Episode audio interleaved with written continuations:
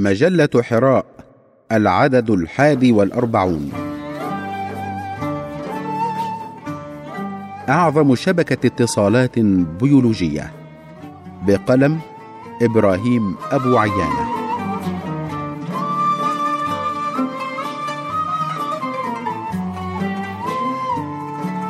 إذا افترضنا أن الكائن الحي الذي يتكون من بلايين الخلايا يمثل عالمنا المترامي الأطراف فكان لابد من وسيلة اتصال بين هذه الخلايا للتنسيق بين وظائفها ونقل المؤثرات والتعليمات المختلفة بين أجزائه. الاتصال الهرموني. نظام الاتصال الهرموني هو الذي يسمح بنقل الهرمونات عبر تيار الدم التي تحمل جميع الأوامر والتعليمات من وسط الكائن إلى جميع أطرافه ولكن يعاب عليه بطئه. لأنه مرهون بسرعة تدفق الدم الذي يحمله من منابع إنتاج الهرمون إلى مناطق تأثيره والذي تستغرق نحو عشر ثوان نصف زمن دوران الدم حول الجسم. وهذا زمن طويل قد يمثل خطورة على الكائن إذا كانت الأوامر تحتاج إلى رد فعل سريع. كما أنه نظام غير موجه فالهرمون المحمل بالتعليمات يمر على جميع مناطق الجسم فيتجاهله من لا حاجة به إلى تلك التعليمات ويستجيب له الجزء الذي وجهت إليه هذه الرسالة. ويعد النظام الهرموني مثاليا إذا كانت رسائله خاصة بالنمو أو بالهضم أو التوازن الكيميائي فلن يسبب تأخيرها ضررا للجسم فهي عمليات تستغرق وقتا طويلا ويشترك فيها ملايين الخلايا. ونظرا إلى العلاقة الموجبة بين سرعة ودقة استجابة الكائن الحي للمؤثرات الخارجية في بيئته وبين بقائه نجد أن النظام الهرموني لا يوفر ذلك فبطء الاستجابة عشر ثوان قد يكلفه حياته فلا بد من وجود جهاز أكثر تخصصا وأسرع استجابة للمؤثرات الخارجية. إنه الجهاز العصبي ومركزه المخ وملايين الأعصاب التي تصله بجميع أجزاء الجسم التي تتميز بسرعتها الهائلة في نقل الرسائل بدقة فائقة ولمسافات قصوى دون انتقال للمادة وتستهلك قدرا لا يذكر من الطاقة.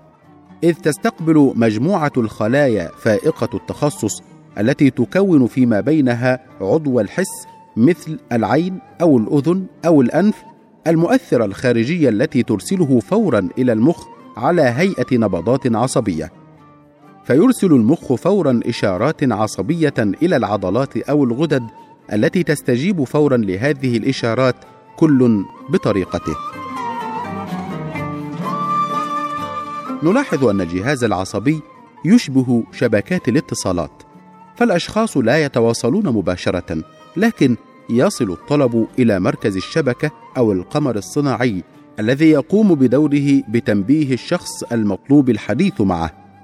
فأعضاء الحس ليس بينها وبين العضلات أو الغدد المطلوب استجابتها للإشارة العصبية أي اتصال.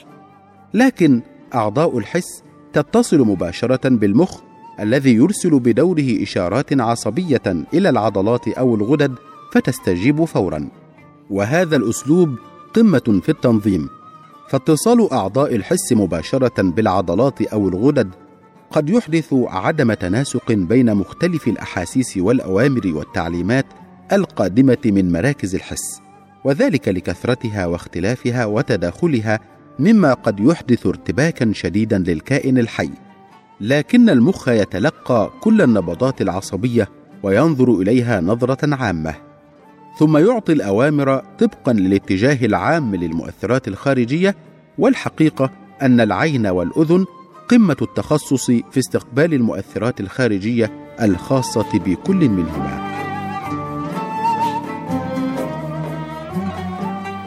كيفية نقل النبضات العصبية؟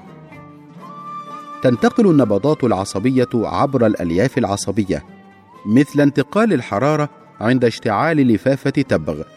تشتعل ذاتيا مطلقة بذلك طاقتها الكامنة ولا يتأثر اشتعال اللفافة بمقدار أو حرارة مصدر الحرارة على عكس انتقال نبضات الصوت في أسلاك البرق التي تشبه إلى حد كبير انتقال الحرارة في قضيب مسخن بمصدر حراري تقل فيه الحرارة تدريجيا متأثرة بمقدار الحرارة إذ تكون أعلى درجة حرارة عند المصدر وأقلها عند الطرف الآخر. وتبدأ مسيرة النبضات في الأعصاب تحت تأثير المؤثر الخارجي اولا. ثم تنتقل بعد ذلك وحدها نتيجة انطلاق جهد كهربي محلي من نقطة إلى أخرى دون أن يتغير حجم النبضة أو طبيعتها أو قوتها مهما كانت المسافة التي تقطعها داخل العصب وبالتالي فهي تحمل دلالتها على طول الطريق حتى تصل إلى المخ بنفس القوة والمقدار الذي أثر به المؤثر الخارجي. المدهش أنه لا يوجد اختلاف بين استجابة الألياف العصبية داخل الكائن الحي واستجابتها خارجه ولا بين الإنسان والحيوان حتى إن العصب يظل يعمل حتى بعد موت الكائن بدليل حركة ذنب البرص بعد قطعه أو حركة الحيوان بعد ذبحه. هذا ما خلص إليه بعض التجارب في هذا الصدد كما لوحظ انعدام الفرق بين أعصاب الإنسان وأعصاب الحيوان. اللهم إلا التعقيد والتخصص الشديد الذي تتصف به المراكز العصبية في الإنسان. كيف تنتقل النبضات داخل الأعصاب؟ لعل ما قام به العلماء يجيب على هذا السؤال. إذ فصل عصب حيوان الحبار البحري maritime squid ذو السمك الضخم يبلغ قطره مليمترا واحدا أي مئات أضعاف قطر عصب الإنسان. ووضع في ماء البحر موصل للكهرباء لوجود الأملاح به. ووصل السائل بداخل العصب بماء البحر خارجه في دائرة كهربية حساسة. تبين أنه في الحالة العادية يكون هناك فارق في الجهد الكهربي بين داخل العصب وخارجه يصل إلى واحد إلى عشرين من الفولت. ويوجد داخل تجويف العصب البروتوبلازم الذي يحتوي على أطراف عديدة سالبة الشحنة تربط في أطرافها عنصر البوتاسيوم ذا الشحنات الموجبة. وهذا ما يفسر دخول عنصر البوتاسيوم عبر غشاء العصب شبه المنفذ من التركيز المنخفض ماء البحر إلى داخل العصب ذي التركيز الأعلى. يبلغ تركيز أيونات البوتاسيوم أكثر من ثلاثين مرة في ماء البحر. وهذا عكس ظاهرة الضغط الأسموزي. الغريب في الأمر أنه لا يمكن مرور تيار كهربي في العصب إلا إذا وصل إلى قدر معين. وتظل استجابة العصب ثابتة مهما تغيرت شدة التيار الكهربي المار فيه. وبالتالي فإن النبضة العصبية الناتجة تكون ثابتة في المقدار مثل لفافة التبغ لا يمكن أن تحترق إلا إذا وصلت حرارتها إلى درجة الاشتعال. وتظل مشتعلة ذاتيا مع إهمال مصدر الاشتعال. وقد يصل زمن استجابة العصب للمؤثر الخارجي إلى جزء من ألف جزء من الثانية وتصل سرعة النبضة العصبية إلى 72 كيلو مترا في الساعة وهي سرعة محسوسة وبالتالي فالإحساس ينتقل من اليد إلى المخ في نحو واحد إلى عشرين من الثانية. ويستطيع العصب نقل ألف نبضة عصبية في الثانية الواحدة تحت الظروف العادية دون كلل أو ملل. وتتأثر حساسية الأعصاب بالبرودة فيقل عدد النبضات المنقولة. ولا علاقة بين الإرهاق الذي يصيب الإنسان وكفاءة العصب. إذ يستطيع العصب نقل مئة نبضة في الثانية لساعات طويلة تحت ظروف الإرهاق الشديد الذي ثبت أنه حالة تتعلق بالمخ ذاته أو النخاع الشوكي ولا ترتبط بالعصب ولكن يلزم تدفق الدم في العصب لكي يقوم بعمله ولا يرجع ما نشعر به من تنميل في الساق عند وضع ساق على أخرى إلى قلة تدفق الدم في القدم. لكن الحقيقة أن التنميل يحدث بسبب الضغط الواقع على العصب الواقع في الناحية الخارجية من الساق أسفل الركبة مباشرة بين عظمة الفيبيولا وركبة الساق السفلي. ولا تحتاج عودة الإحساس إلى العصب إلا إلى دقائق معدودة لأن الضغط على العصب لا يسبب له أي تشوهات وإلا احتاج الأمر إلى أسابيع. لكن ما يؤثر على الأعصاب هو انقطاع الأكسجين عنها فقد يسبب ذلك شللا مؤقتا للعصب لخمس عشرة دقيقة بينما غيابه يصيب المخ بالشلل فورا. والسبب في ذلك أن احتياج الأعصاب إلى الأكسجين ضئيل جدا فعصب الضفدع ينقل 250 نبضة عصبية في الثانية يحتاج إلى قدر حجمه من الأكسجين حجم غاية في الضآلة ليعمل بكفاءة لمدة ثلاثة أيام. ولعل ما يفسر وقوع الأرنب بين فكي كلب يطارده ليس انفجار قلب الأرنب كما كان يعتقد، بل تلف خلايا مخ الأرنب نتيجة تدفق الدم الشرياني الساخن إليه، في حين أن الكلب وكثيرا من الثدييات تمتلك نظاما لتبريد الدم قبل تدفقه للمخ. وما نلجأ إلى عمل كمادات على رأس مريض الحمى إلا لخفض درجة حرارة المخ التي تختل إذا زادت حرارته أربع درجات مئوية على الطبيعي. ولقد منح الله معظم الثدييات وسيلة لتبريد المخ إما لهثا وإما عرقا فمخ الغزلان تقل حرارته درجة واحدة في الوضع الطبيعي وثلاث درجات عن حرارة أجسامها في أثناء العدو لأن نظام تبريد المخ لا يعمل إلا تحت ظروف الإجهاد الشديد. المخ عضو فريد لا مثيل له في الكون، فهو يحكم رقابته على كل شيء، وهو الآمر الناهي في جسم الكائن الحي.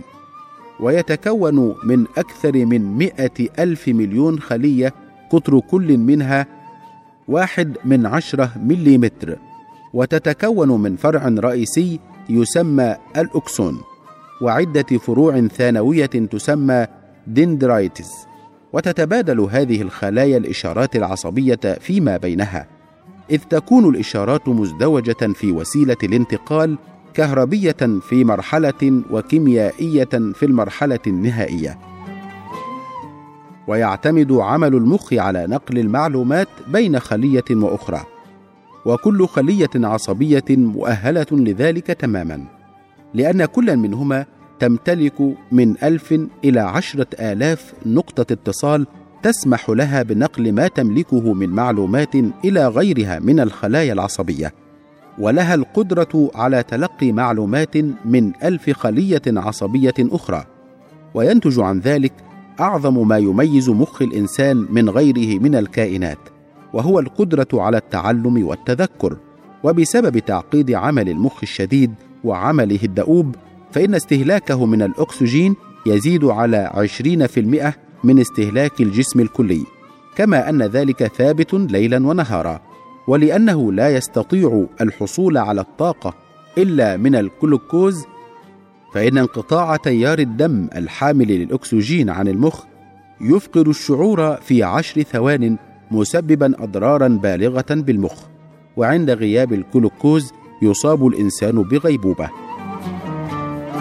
ولحساسية خلايا المخ الشديدة فهو معزول عن الدورة الدموية العامة بنظام يعرف بحاجز الدم المخ وهذا الحاجز يسمح بدخول ما تحتاج إليه الخلايا من أكسجين وجلوكوز ومواد أخرى لكن يمنع دخول أي جزيئات سامة أو غير مرغوب فيها إلى خلايا المخ لحمايتها والمحافظة عليها وتعود كفاءة هذا الحاجز إلى وجود جدار من الخلايا يسمى جليال كيلز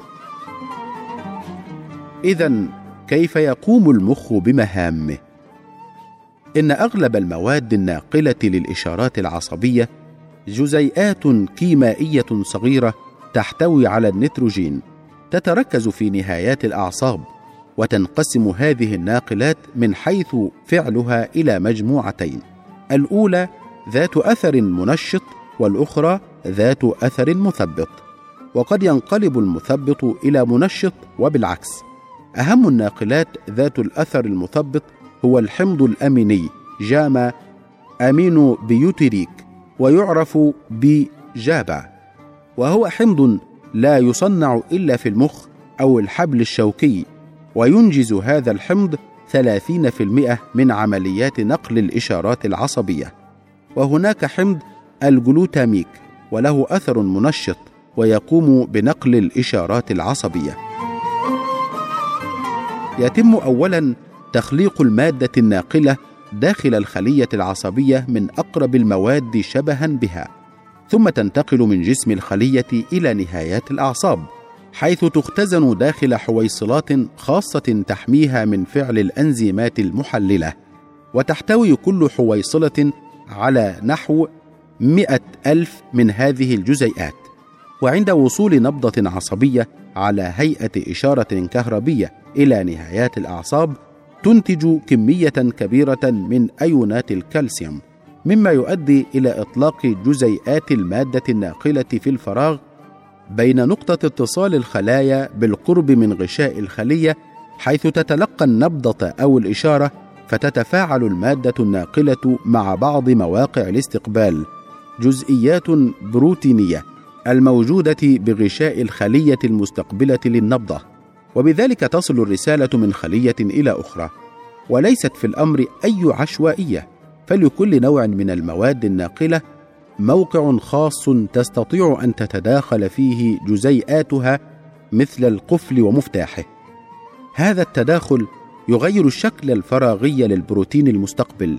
مما ينتج عنه نبضة أو إشارة منشطة للخلية أو مثبطة أو قابضة لعضلة ما أو مفرزة لهرمون معين إلى آخره.